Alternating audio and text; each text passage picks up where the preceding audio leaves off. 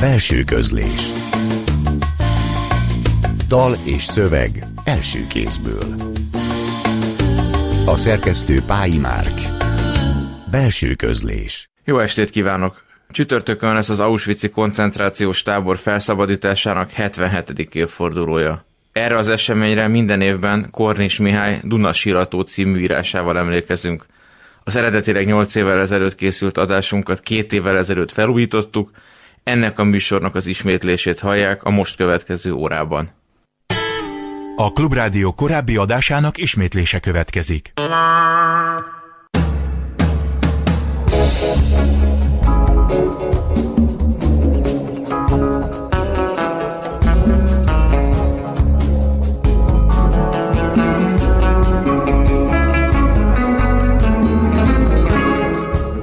Jó estét kívánok! A Klubrádió zenés irodalmi műsorának mikrofonjánál Szegő Jánost hallják. Ebben a műsorban megszokhatták, hogy hétről hétre egy írót vagy egy költőt látunk vendégül, aki felolvassa megjelenés előtt álló szövegeit, és elhozza magával megmutatja azokat a zenéket is, amelyek élete vagy pályája szempontjából meghatározóak voltak. A mai adás azonban nem csak hogy rendhagyó, hanem egy korábbi adásunk felújítása, azért az adásé, amelyet annak idején a talán eddigi legrendhagyóbb, sőt rendkívüli adásunknak neveztünk.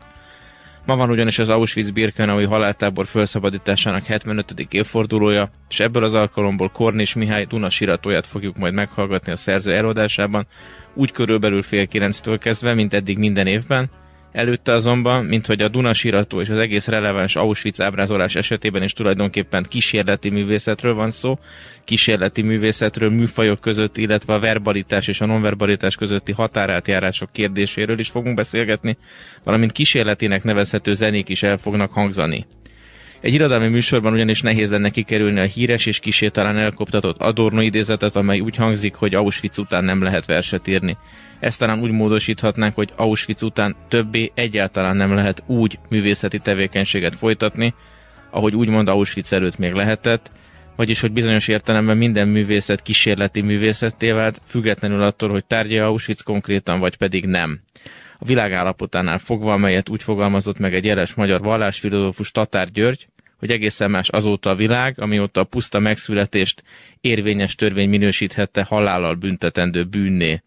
Ezért döntöttünk úgy az eredeti emlékező adásunkban 6 évvel ezelőtt 2014-ben, vagyis a holokauszt emlékévben is, amikor az Auschwitz-i koncentrációs tábor felszabadításának 69. évfordulójára emlékeztünk, ennek során pedig az éveken át elkövetett tömeggyilkosságokra, a nyugati civilizáció és benne a magyar közösség életének végletes és végzetes töréspontjára, hogy a releváns Auschwitz ábrázolást a kísérleti művészettel kötjük össze, és akkor is kísérleti zenék kövezték Kornis Mihály felolvasását, azóta pedig minden évben megismételtük ezt az adást. Ez egyébként a blogunkon, a belsőközlés.blog.hu az egyik legtöbbször letöltött adásunk, és biztatjuk is önöket, hogy bátran keressék föl blogunkat, ahol ezen kívül az összes többi eddigi adásunkat is elérhetik. A mostani évben a 75. évfordulón ugyanakkor egészen fel is újítjuk az adást, és most először beszélgetünk. A stúdióban köszöntöm Veszeli Anna művészettörténés, szociológus professzort és Dömötör Judit kortárs táncművészt, koreográfust is. Köszönjük, hogy elfogadtátok a meghívásunkat. Amint a bevezetőben már említettem, veletek is a kísérletező művészet jegyében a műfai határátjárásokról, illetve a verbalitás és a nonverbalitás viszonyáról beszélgetünk, hiszen a mai témánk, de az egész emberi felfogás szempontjából is fontos, hogy mi az, amit ki tudunk fejezni szavakkal, és mi az, amit nem, illetve ezek milyen viszonyban állnak egymással, és mennyire meghatározottak, illetve meghatározhatóak. Különösen egy rádióban jó beszélgetni ezt a nonverbalitásról, ebből mutatunk egy kis példát. És indítsunk onnan, hogy nemrég zajlott le Budapesten többek között a Jurányi házban a Flying Buddies Winter Kortárs Táncfesztivál, ahol hazai és külföldi előadók léptek föl, köztük a francia Julien Gross, valamint a magyar Molnár Csaba és Juhász Adél. Most először Veszeli Annát szeretném kérdezni, hogy ezeknek az előadásoknak is a fényében hogyan határozhatnánk meg, hogy mi az, amit meg tudunk közelíteni az ilyen nonverbális kortárs táncművészet segítségével, amit máshogyan nem tudnánk? Hát a Flying Buddiesból én csak egy előadást láttam uh-huh. a showból, és az egyik az inkább ilyen új cirkusz jellegű volt, a másik meg egy nagyon differenciált, nagyon kidolgozott, hosszú program, és ott annyira meg akarták csinálni, hogy egyszerűen unalmas lett, tehát túl hosszú volt. Uh-huh. De hogy is minden egyes mozdulatról szinte meg lehetett mondani, hogy az most mire vonatkozik, és miről, miről szól, ami elég ritka, különben nonverbális műfajoknál, eltekintve mondjuk a pantomimtól, ami hát szavanként szinte lefordítja mozdulatra a tartalmat. Nagyon-nagyon profi, nagyon jó táncosok voltak, tényleg nagyon, nagyon jók voltak. Molnár Csaba és Juhász Adél, akiket felkonferáltam, róluk van szó, illetve a francia Julien Gross, akinek a nevét nem tudom, jól ejtettem, ez a Gross bácsiként még ismertem őt a Lipót körútról, de mindegy. És hogyan kezeljük azt a helyzetet, hogy mindezt mégiscsak szavakkal tudjuk értelmezni, lefordítani magunknak, tehát amikor a nonverbalitásról kénytelenek vagyunk csak is a verbalitás eszközeivel beszélni. Ebbe van valami ö, speciális? Szerintem magától értetődő, tehát bármilyen műfajról, bármilyen művészeti mozgásról van szó, voltak éppen mindig egy nagyon erős interpretáció van jelen, tehát megkapunk egy sémát, egy vázat, ami akkor él, hogyha mi magunk föltöltjük a magunk gondolataival, meg indulataival, tehát aki lapos művet lát, az veszek, vagy lapos művet lát, vagy magának lapos gondolatai jutnak csak róla eszébe. Tehát az, hogy mondjuk egy fotót, vagy egy táncművészeti alkot alkotást az ember ugyanúgy kap egy sémát, és ezt kiegészíti, amennyire intenzíven tudja jelen lenni a mozdulatokba, beleérezni a mozdulatokat, vagy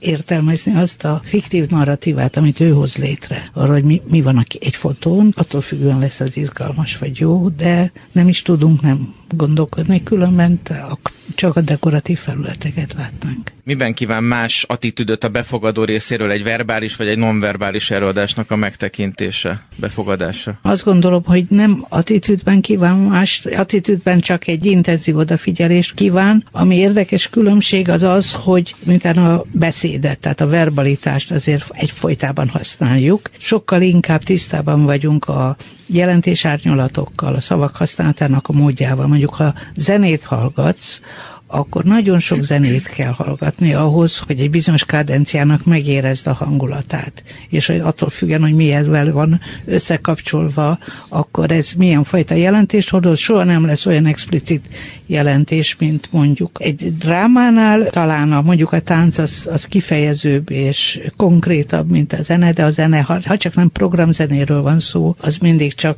mondjuk az indulatoknak, meg szenvedélyeknek, meg gondolatoknak a dinamikája van ott, de nem konkrét állítások, amiknek a jelentését lehetne azonosítani. Ezért nagyon izgalmas például az iróniáról beszélni, gondolom, egy nonverbális előadás esetében, hogy ott is az iróniának ugyanolyan, nem ugyanolyan, hanem éppen másmilyen eszközei vannak, mint a verbális műfajoknál, de... Abszolút van, mert hogy az egy reflexív műfaj, tehát akár a zene, akár a, a tánc, az saját maga kifejező eszközeire reflektálva tud ironikus lenni, nagyon is ironikus lenni.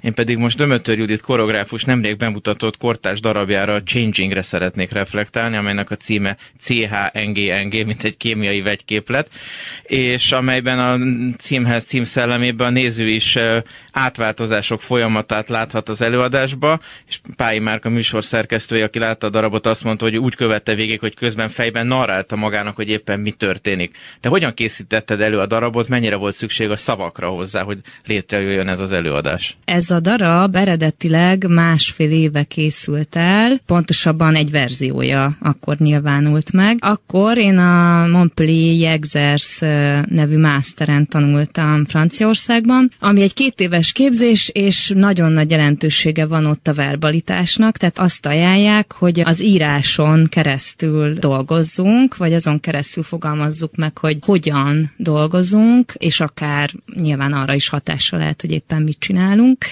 hatással is van, és ez a darab, ez ennek a két éves folyamatnak a végén született meg, abból kiindulva, hogy én ott mit kutattam. A mostani verziója, amit a Márk látott, ez tehát másfél évvel későbbi, erre baromira hatott az ottani verbális világ, tehát az, hogy egyfolytában meg kellett nyilvánulni szóban arról, hogy én mit csinálok, és azt hogyan csinálom. Ugyanakkor ez rám olyan intenzív felkavaró hatással volt, hogy engem egyfolytában kizökkentett az én saját alkotói ritmusomból, hogy én majdnem ott hagytam a mástert, és a darab magából, abból a szabadságból született, hogy végül visszamentem, úgyhogy nem tudtam, hogy befejezem-e vagy nem, és végül csak azzal foglalkoztam, amivel úgy éreztem, hogy foglalkoznom kell, ez volt ez a changing, ami egy mozgásos gyakorlatból indult ki, tehát a legerősebb gyökere az egy mozgásos gyakorlat, ugyanakkor nem választható le arról a két éves folyamatról, és tulajdonképpen verbális megnyilvánulások tömkelegétől és attól a feszültségtől, hogy meg kellett nyilvánulni, és hogy volt egy nagyon erős kell, aminek aztán én ellene mentem tulajdonképp, és lefejtettem magamról, amennyire csak lehetett. És ennek a verbális tömkelegnek volt egy francia nyelvű része is, vagy csak francia nyelvű része volt, és ez esetben még az idegen nyelvek is volt egy dilemmája, dimenziója? Abszolút, tehát ez, ez a master francia nyelven volt, de angolul is beszéltünk, tehát egy ilyen nyelvi bábel torony is volt bennem, tehát minden, minden voltak olyan mondataim. Én grafomán vagyok eléggé alapvetően úgy dolgozom, hogy nagyon mhm. sokat írok, írok, valahogy egyrészt dokumentálom is, folyamatosan amit csinálok, de nagyon óvatosan kell közbe bánni a szavakkal, mert mondom, nagyon érzékeny, hogy mikor jó, amikor leírok valamit, meg megfogalmazok, és mikor egyszerűen csöndben kell csinálni. Tulajdonképpen amikor az ember alkot vagy mozog, akkor sokszor olyan más típusú nyelvezet születik meg, tehát van minden darabnak valahogy egy saját nyelvezete is, ami úgy felépül bennünk, meg úgy egyáltalán, ahogy bemész a terembe és elkezdesz mozogni, akkor sokszor az, ahogy megfogalmazódik valami, az sokkal közelebb áll valami organikus nyelvezethez, ami olyan, mintha egy nonverbális nyelvhez lennél közel, de az is valami fajta nyelv, csak képzeteknek a nyelve. És utána, amikor már elkészült az előadás, és mondjuk nyilatkozol, vagy beszélgetsz róla, más szavakkal fogod meg utána. Biztos más szavakkal fogom meg, mert utána már egy ilyen reflektívebb nyelvezet van talán. Előtte is van nyilván reflexió időről időre, de akkor mondom egy sokkal érzékenyebb nyelv-nem nyelv Érzések, kapcsolatban. Emóciók. Igen, hát nagyon-nagyon sok az érzet. Vagy legalábbis az én munkám az nagyon erősen érzet alapú, meg hát mozgás alapú, tehát hogy, hogy bemegyek, és akkor csinálom, és az, amit csinálok, az informál arról, hogy mi, mi a jelen helyzet. De az én munkamódszerem az egy nyilván nagyon speciálisan az az én munkamódszerem, tehát mindenki máshogy dolgozik, csak én nagyon erősen magamon keresztül dolgozom, és ezt úgy kell érteni, amit szintén a masteren értettem meg, hogy általában van egy engem nagyon erősen foglalkoztató belső problematika, ami nagyon mozgat, és aztán azt szoktam választani, amihez kívül is egy nagyon erős aktualitást érzek a világban. És akkor valahogy ennek a kettőnek a párhuzama, vagy ez a kettő szövése, ez az, ami aztán valamivé összeáll. Hát ebben jelentős a nonverbalitás, igen. És bocsánat, ha még mondhatok valamit, meditálok rendszeresen, és van egy Paul Fleischmann nevű pszichiáter és meditáció gyakorló, nagyon szimpatikus ember, akinek szoktam hallgatni néha beszédeit, és most a Káosz és Karma nevű beszéd hallgattam, és ezáltal tudatosodott bennem, hogy miért úgy van a darab felépítve, hogy fel van építve, pedig én ezt tudtam belülről, tehát tudtam, hogy miért, miért úgy kell de utólag a Fleischmann arról beszél, hogy a demokráciában hogyan van egyensúlyban az, hogy valamire való szabadságunk van, tehát van egy nagyon nagy játéktér, de közben nyilván ö, szabályokhoz vagyunk kötve. Nem az van, hogy egyszer diktatúra van, egyszer meg teljes káosz és ö, anarchia, hanem a kettő egyensúlyba kerül azáltal, hogy van ez a csatorna, de nagyon széles azért az a mező, amiben cselekvési szabadságunk van. És tulajdonképpen az én darabomban most a demokrácia egy kulcsfontosságú dolog, meg az ökoszisztéma is egyébként. A darab viszont úgy kezdődik, hogy egy ilyen folyamatos transformáció megyek keresztül, ahol én egy megírt kotta alapján, de nagyon nagy szabadsággal az érzeteim alapján hagyom megnyilvánulni azt, amit éppen érzek, és az alapján valami fajta entitássá válok, vagy valami fajta folyamatos változás tudáson megyek keresztül, amiből néha meg tudok fogni valamit. Itt nekem ez már eleve a demokrácia. Egy nagyon érdekes műfaj határkísérletre kérdeznék még rá. Szemző Tibor Csoma legendárjának egy újabb változatát az A38 hajó 8 nappal ezelőtt mutatták be, ahol pedig éppen a narráció társul a koncerthez, vagyis mintha Szemző előadás mondja, azt fejeznék ki, hogy kísérő szöveg nélkül a zenét sem tudnánk önmagában értelmezni. Veszeli Annát kérdezném, hogy mit gondol erről a produkcióról, meg erről a megközelítésről. Nem a szemző találta fel a Gesamtkurzterket, tehát az, hogy nem csak egyetlen műfaj van, hanem folyamatosan, mikor ez, mikor az kerül elő, az operában is van recitatívó, amikor gyakorlatilag beszélnek, beszélnek, beszélnek. Nem kell ennek a nagy feneket keríteni, és az izgalmas nem az, hogy segítségül hívja, hanem hogy ezek teljesen külön rétegek, tehát van ez a nagyon szép népmesei mesélő stílusban mondott ö, szöveg, meg az egész tulajdonképpen egy mese, akkor vannak a táji képek, vannak a városi képek, vannak a rajzolt, ilyen animált képek, és közben van élő énekhang, van élőben hangszer, és az egész pontosan azért izgalmas, mert nem olvad össze ez a kunstwerkbe, hanem szépen egymás fölött van, nem is mindig ugyanarról szól, és ez egész nagyon szép. Nagyon szépen köszönöm Veszelian a művészet történésznek és szociológusnak, valamint Dömötör Judit kortárs táncművésznek és koreográfusnak, hogy itt volt velünk a stúdióban, és beszélgethettünk a verbalitás és nonverbalitás izgalmas határterületeiről.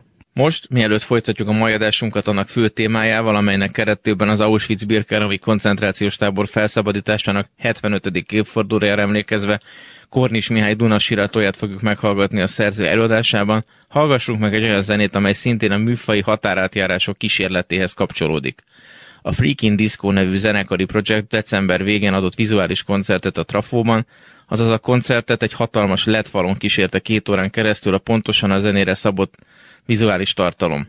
A zenekar tagjai Csizmás András, Keresztes Gábor, Komjáti Áron és Szabó Sipos Ágoston, a vizuális tartalmat pedig Karcis Gábor és Bredán Máté készítette hozzá.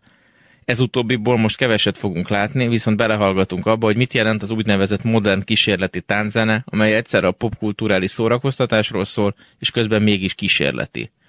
Az együttes egyébként egy újabb különleges projekttel készül, szintén a Trafóban, márciusban, ahol Elfride Jelinek Árnyak című monodrámáját Pető Kata színésznő koncertformájában fogja előadni a most hallható zenekar közreműködésével.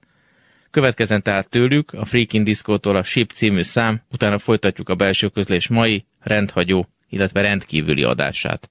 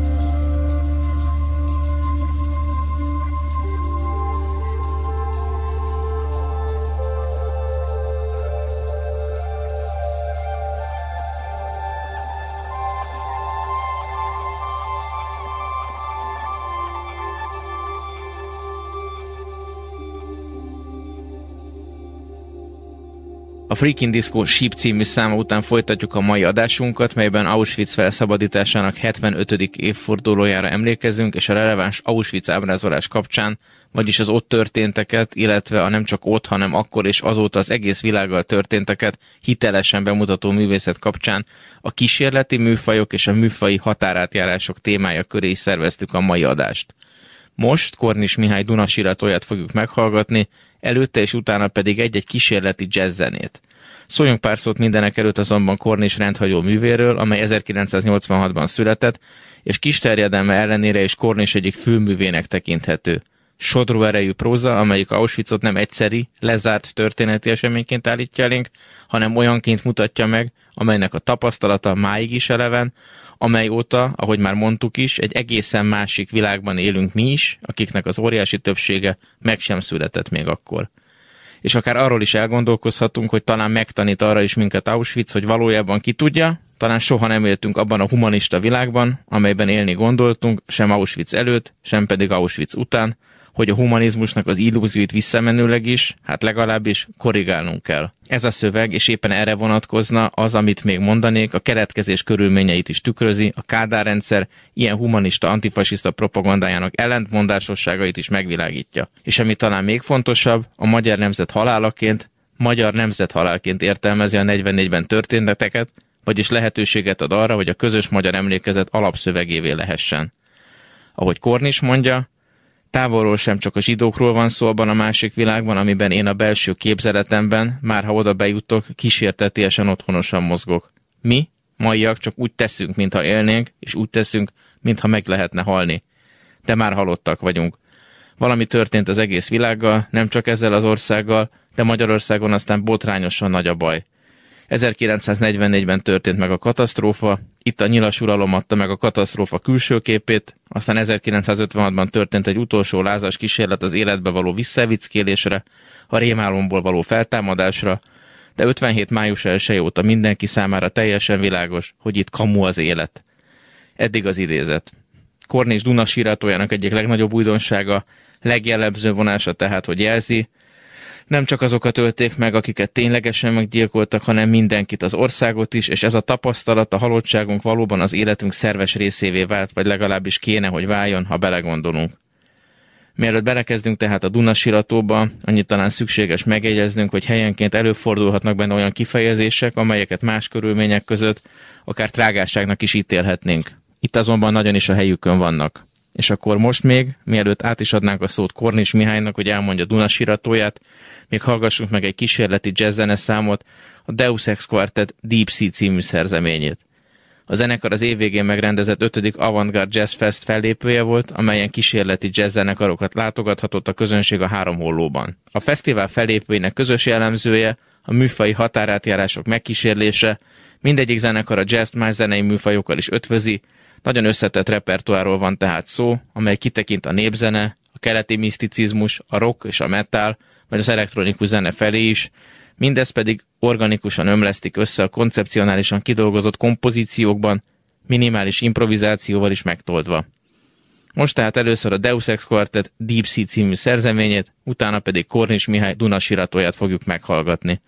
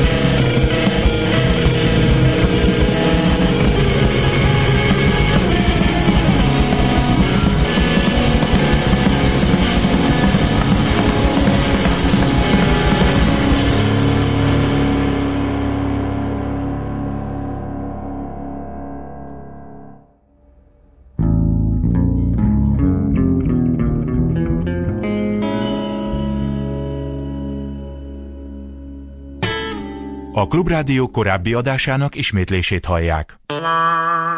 Dunasirató Nekem a Dunáról a hullák jutnak eszembe. A hullák. A hullák. Azok az emberek, akiket 1944-ben a rakpartra kísértek, és aztán belelőtték őket a vízbe. Akkor én még nem éltem. De ha éltem volna, engem is bizonyosan belelőttek volna. Olyan körülmények között bujkált Kornis Katalin, hogyha a fiát is megszülte volna már, hát nem éli túl a hungarista felszabadulást. Nem éli túl, mert a rakpartra kísérték volna őt azok, akiket nyilasoknak szoktunk nevezni, oda kísérték volna velem együtt, és szépen megkértek volna engem is, hogy vegyem le a cipőm, és vegyem le a téli kabátomat, és látnom kellett volna az én szép fiatal édesanyámat a félelemtől és a hidegtől reszketve, egy halára ítélt, sziszegve átkozódó, önnön tehetetlenségének gyűlöletétől is mart, eszeveszett tömeg közepén, amint talán sikoltozva rángat és be akarja fogni a szememet, hogy ne forduljak hátra és ne lássam a puskákat, az álhoz emelt puskákat. De igazán fölösleges feltételes múlt időben beszélni erről a meg nem történt történetről, mert még az a látszat keletkezhetik, hogy nem történt meg. Holott megtörtént. Sokkal inkább megtörtént, mint például ez az este itt, amiben mi most részt veszünk, és előadjuk magunkat, mint jól nevelt fiúk. Ordevárié. Mert én 1959 óta tudom, hogy 44-ben zsidó kisfiúként én is ott voltam a zsidó parton, és engem is belelőttek a zsidó Donába. Minden ismerősömet belelőtték. Akiket szerettem, azokat mind. És nem csak Radnótit, hanem Petőfit is, és Széchenyi Istvánt, és Nagy Imre urat, Battyányi Lajost, és Raúl Wallenberget, és Weiss nénit, és Weiss bácsit, és József Attilát, meg mindenkit, aki vérben úszva eltűnt, Dózsa Györgyöt és Mauthauseni Magduskát, és azt a két tankos szénnéget ruszkit az Asztória előtt, aki szeretett, és megsimogatta a fejemet. Nem sokkal mielőtt szénnéget volna, és a házunk előtt letartóztatott viharkabátos egyetemistákat, akik egy pillanatra szóra méltattak a kapuőrségen, amikor pár nappal előbb engedély nélkül kiszaladtam hozzájuk nézni, nézni a dolgokat. És most mindenki ott volt a Dunában. 59-ben ott volt a Dunában mindenki, aki jó volt. Aztán elveszett. Mind ott ringatóztak a zsidó Dunában.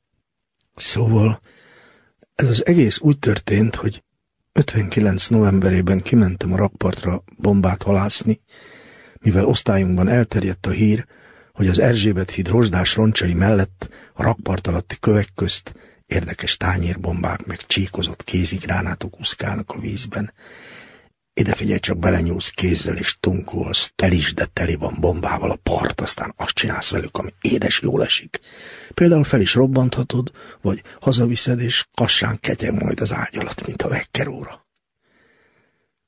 Iskola után, fal mellett osonva, összes bűneim teljes tudatában leódalogtam egyedül a rakpartra, és ketyegő szívvel komolyan azt figyeltem, hogy nem követnek-e, pufajkás nyomozók például, vagy mit tudom én, te sötétben bujkáló ellenforradalmár, reszkes. Dagi kis zsidó testem levonszoltam a vízhez vezető lépcsőn. Megállt a szél. Megállt a szél. Délután három óra volt. A fenekem alá tettem a tornazsákomat, és néztem a vizet. És lassan megnyugodtam. Így vagyok. Itt vagyok. Az ég olyan, mintha belehánytak volna. Koszos tej, fullasztó ránk szorított rongy, összefüggő fenyegetés. A fény nem jön le, nem akar már, szétfolyó sűrű nyál.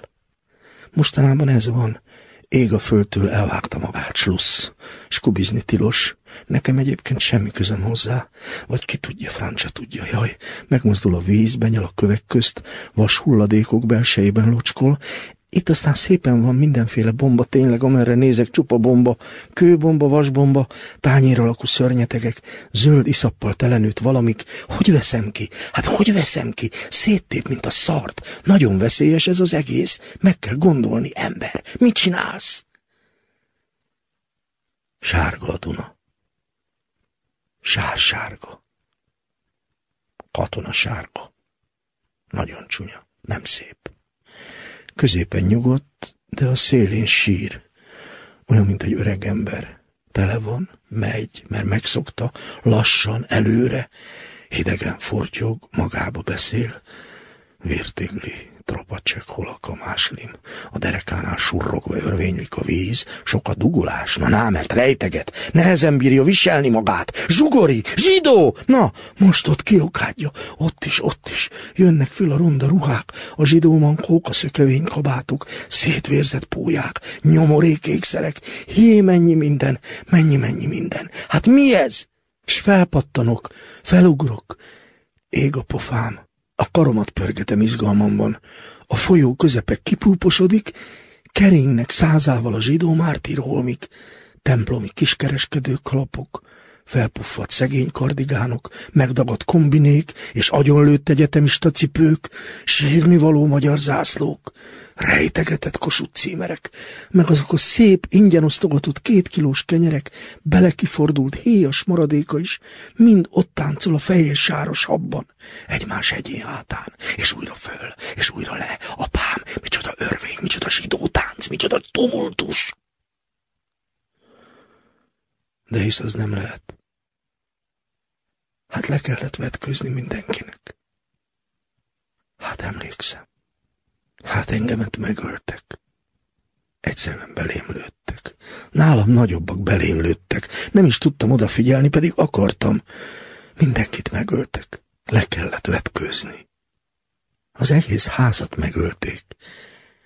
Le kellett vetkőzni. Megölték a szabadságharcot. Hajnalban jöttek. Lángágyúval betörték mind a két kaput, én éppen aludtam, és álmodtam egy nagy sötét lyukat, a lyuk aljáról fény szállt fölfelé, fordítva ömlő sugárzó eső, amibe belevágytam, de nem mehettem el, mert odakint rám bíztak egy papírdobozt, amiben sok pénz volt, úgy nézett ki, mint a járókelők pénze, az adimozi mellett, azon a széken a doboz. Valaki azt mondta, vigyázz rá, Mityu, és akkor nekem ott kellett maradnom, de legszívesebben beugrottam volna, be a fénybe, holott ami abba belekerült, kék gázzá vált a szemem előtt, sok járda szemét például, amit arra vitt a szél, meg különféle kisebb állatok, madarak, egerek és egy rózsaszínű, de felébresztettek. Gettóhajnal, genyhajnal, szürkés genyvilág, szétrugott szobák, papírkofferek, sáros szőnyegek. Minden ott maradt. Ott maradt és elhallgatott mögöttünk. Klik-klak, pont. Vége. Ennyi az egész. Ég a gyertya, ég, el ne aludjék, aki engem látni akar. Aki engem látni akar, nézhet. Majd én is nézem őt. Mi most úgy menetelünk a halálba, mint a katonák, nektek meg csak sonfordálni szabad a járdán, és nyalogatni a szájatokat. Mi meghalunk a magyar szabadságért, ti meg itt maradtok. Nem tudom miért. Szemlesütve újjal mutogatni, gyászolni és nevetni. Ezek a hallgató gyáva pesti házak, alamuszi tetők, galambos ablakok, Hát minden így marad. És ennyiben. Itt fog nélkülünk tovább virulázni. Mi persze trappolhatunk le a Dunapartra, mert nem segít az ENSZ, hiába ígérte apa, nem küld csapatokat, de rendben van, én anyám kezét fogom, ő azt hiszi nem tudom, pedig én tudom. Hát, majd kibírom. Mondjuk lehettem volna világfi, arra készültem, hogy az legyek, egy vándorló szabadság, aki ingyen osztogat a népnek kenyeret és kacsát. Most ehelyett majd a ravazdi árulók uralmuk alá hajtják édes kis hazámat. Én ilyen helyen nem akarom érezni magam. A bajszok, a szalutálások, a hadonázások, és ezek a lopások, a sunyi cserék egy esti Budapest helyett, az esti hírlap egy szabad nép helyett, a népszabadság, népakarat helyett meg a nép fasza, marosán a hőbörgő pék szava. Hát engem ez így már nem érdekel. Lakcipőmet az aszfalthoz verem, és nagyon kínos a halálba menés, de mi viszont legalább vállaljuk a dolgot. Ki akar már németül tanulni, és ki akar itt oroszul tanulni, és ki akar itt már bármit is tanulni? Csak menjetek szabadlábon a napközibe örökké.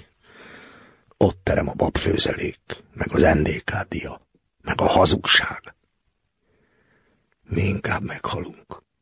Most, tél, most, tél hideg, jeges délelőtti hold, legyintő levegő rongyok, fehér túlparti hóköd, nagyon hideg. Le kellett vetközni mindenkinek. Nem fog fájni, szégyellem magam. Nem fog fájni, itt az egész ház. Mesztelen vagyok. Itt az egész ház, itt az egész ház. Meg kell dögöljünk, valaki mondta. Meg lett mondva. Végrehajtani. Tudtam előre. Apu hát a világét. Apu kövér háta. Zsíros zsidók. Meg lett mondva. Hogy néztek ki? Meg lett mondva. Fertig. Tessék előre hajolni, mint egy uszodában. Háj a zsidók a zsidó uszodában. Vannak soványok is. Nagymama sovány. Nincs igazság, vannak soványok is. Ne érj hozzám. Hagyjál békem, hagyjál békem. Kattog a kakas. Már kattog a kakas. Nem tudok egyetlen jó zsidó imád se. Isten áld meg a magyart. Isten áld meg a magyart. Hát ez nekünk nem sikerült. Most már mindegy. Győztek a faszisták. Konyec filma, véreim. Magyar proletárok. Tudtam előre, a combomon már jön le a pisi. Most le fogunk halni, a Dunába lesz halva, mindenki nagyon is bele lesz jól halva, Nukofix baby, semmi se leszünk. Most már lőhetnének. Mindenki visít, már mindenki pucér, már mindenki sehogy sincs. Eizler bácsi is mellettem sehogy sincs, mint egy élő tészta, mint egy élő, dülöngélő, puha fehér tészta. Ez egy állókínzás. A leflattyogó vén zsidóusok, a kiröhögött szargörbe gerincek. Mami, mami, mamikám, azért is éljen a szabadság. Rákóczi áruló hadnagya lőj! Most! Most meleg, most elért, bennem van. Mindenütt meleg. Forró és bugyborékkol. Jó. Sötét. Leírhatatlan. És ahogy így 59-ben magamat is temetve néztem a véndunát, először láttam életemben nem ronda ruhákat, kísérteteket, vagy hogy mondjam, Feljöttek a víz tetejére a rokonaim, ott ringatóztak a zsidó Dunában, talpig felöltözve, gondoltam is rögtön halhatatlanul, mind akiket szerettem, a nagy klasszikus költők és a felakasztott szabadságharcosok, az átlőtt homlokú egyetemisták és a gyerekpartizánok, meg azok a munkaszolgálatosok, azok a muszosok, és én is, igen, akármilyen hihetetlen, én is, és anya és apa, és az egész ház, a sár-sárgán fortyogó folyó közép örvénykutyán fölkeveregve, kivigyorogtunk egy másik, untig ismert és megfulladt életből, és ott bohóckodtunk egymás kezét fogva a víz tetején, lábújhegyen táncoltuk a temetetlen kánkánt, a bakkancskeringőt, meg a sáros tangót, együtt, illetlenül, popó mutogatva, röhögve, rongyosan és disznó szabadon. Nektek! Vagyis hát csak nekem, mert nem látta más. Bár ideglázban nézelődtem körbe, hogy nem áll -e meg a kettes villamos, és nincsen már jókor a csődület a korzón, és nem értettem, hogyan lehet, hogy nem történik semmi. Hiszen itt van. Hiszen itt van. Hiszen itt vagyunk.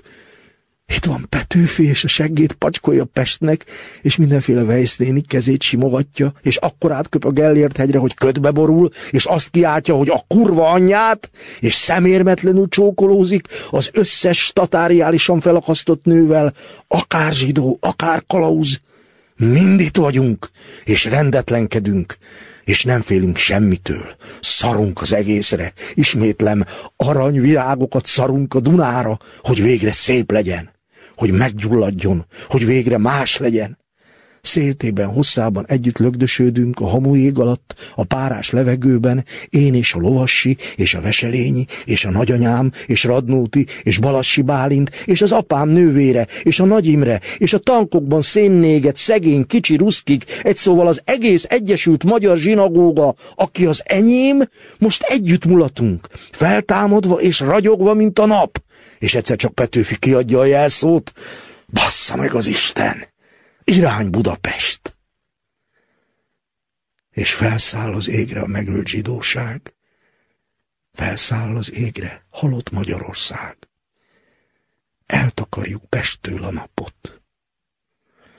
Aztán csak zuhanunk az utcákra, mint a bánat és én sikoltok az örömtől, mert úgy tör ki a botrány a város minden pontján, ezer ezer helyen. A november 7-e téri villanyújság megállás nélkül villogja, hazugság, hazugság, hazugság, hazugság, hazugság, hazugság. És káromkodni kezdenek a köztéri szobrok. És lángra gyullad minden utcatábla és rázza magát minden középület, mintha viszketne, vagy mintha fájna, és hordóban érzi magát minden hivatalnok, és elhányja magát minden telefon, és fölmurajlik az üres népstadion, jajgatva ordít benne a nagy semmi, és térdre borul az összes járókelő, és a rádió szünet nélkül bocsánatot kér, Bocsánatot kell kérnünk, kedves hallgatóink, mert bocsánatot kell kérnünk, kedves hallgatóink. Tudnék, az történt, hogy most bocsánatot kell kérnünk. Bocsánatot kell kérnünk. Bocsánatot kell kérnünk. És a városban csecsemők veszik át a hatalmat, és minden rendőr fejéről leesik a sapka. És halottak állnak sorban a közértben, és halott húst kérnek, és halott kenyeret, és halott pénzzel fizetnek a kassa előtt és tömegben szállnak fel a halott buszokra, és minden autóbusz karambolozik, és így lassacskán feltámad egész Budapest, és együtt élni tanul, halott önmagával. És nem lesz rajta úrrá, soha többé, senki. Hát ez csak úgy láttam ott a Dunaparton. Annó, 1959. És igazság szerint nagyon megijedtem. Már iszonyodtam az iszapos víztől, a szürke hamujéktől, a sunyi gránátoktól a sáros víz alatt, és hazaszaladtam csuron vizesen, és lélekszakadva felhívtam az édesanyámat, az uglói kenyérgyár egy alkalmazottját, hogy hullák vannak a Dunába, mama élő beszélő hullák, itt vannak, félek. Ő meg azt mondta, ne féljek.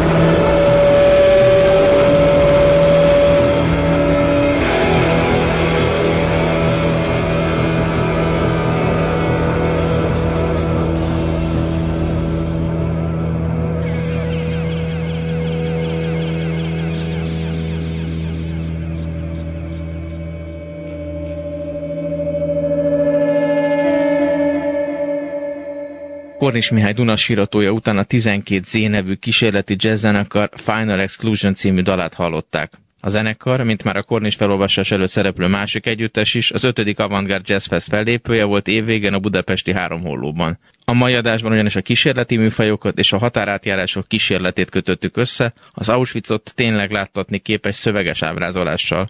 Ahogy már előtte is említettük, és ahogy Kertész évre mondta egy emlékezetes eszéjében, Egyre fontosabb kérdés lesz, ahogy telnek az évek, hogy a szemtanúk és a túlélők gyengülő kezéből ki fogja átvenni mindazt, amit ők megtapasztalhattak, hogyan adható tovább Auschwitz tapasztalata nekünk, és alig, hanem az egyetlen mód az a kísérletező művészet. Ennek kapcsán beszélgettünk az adás elején a nonverbális művészeti műfajok és a verbalitás viszonyáról is Veszeli Anna szociológussal és művészettörténésszel, illetve Dömötör Judit kortárs táncművésszel és koreográfussal hiszen az egész témába az is beletartozik, hogy mi az, amit szavakkal ki tudunk fejezni, és mi az, amit nem. Többek között ezért is volt rendhagyó ez a mai adása ennek az egyéb iránt elsősorban éppen, hogy szövegekkel foglalkozó műsorunknak. Most megköszönöm a figyelmüket, a jövő héten Martonéva várja önöket. Én addig is búcsúzom, és szép estét kívánok. A műsorvezetőt Szegő Jánost hallották. A Klubrádió korábbi adásának ismétlését hallották.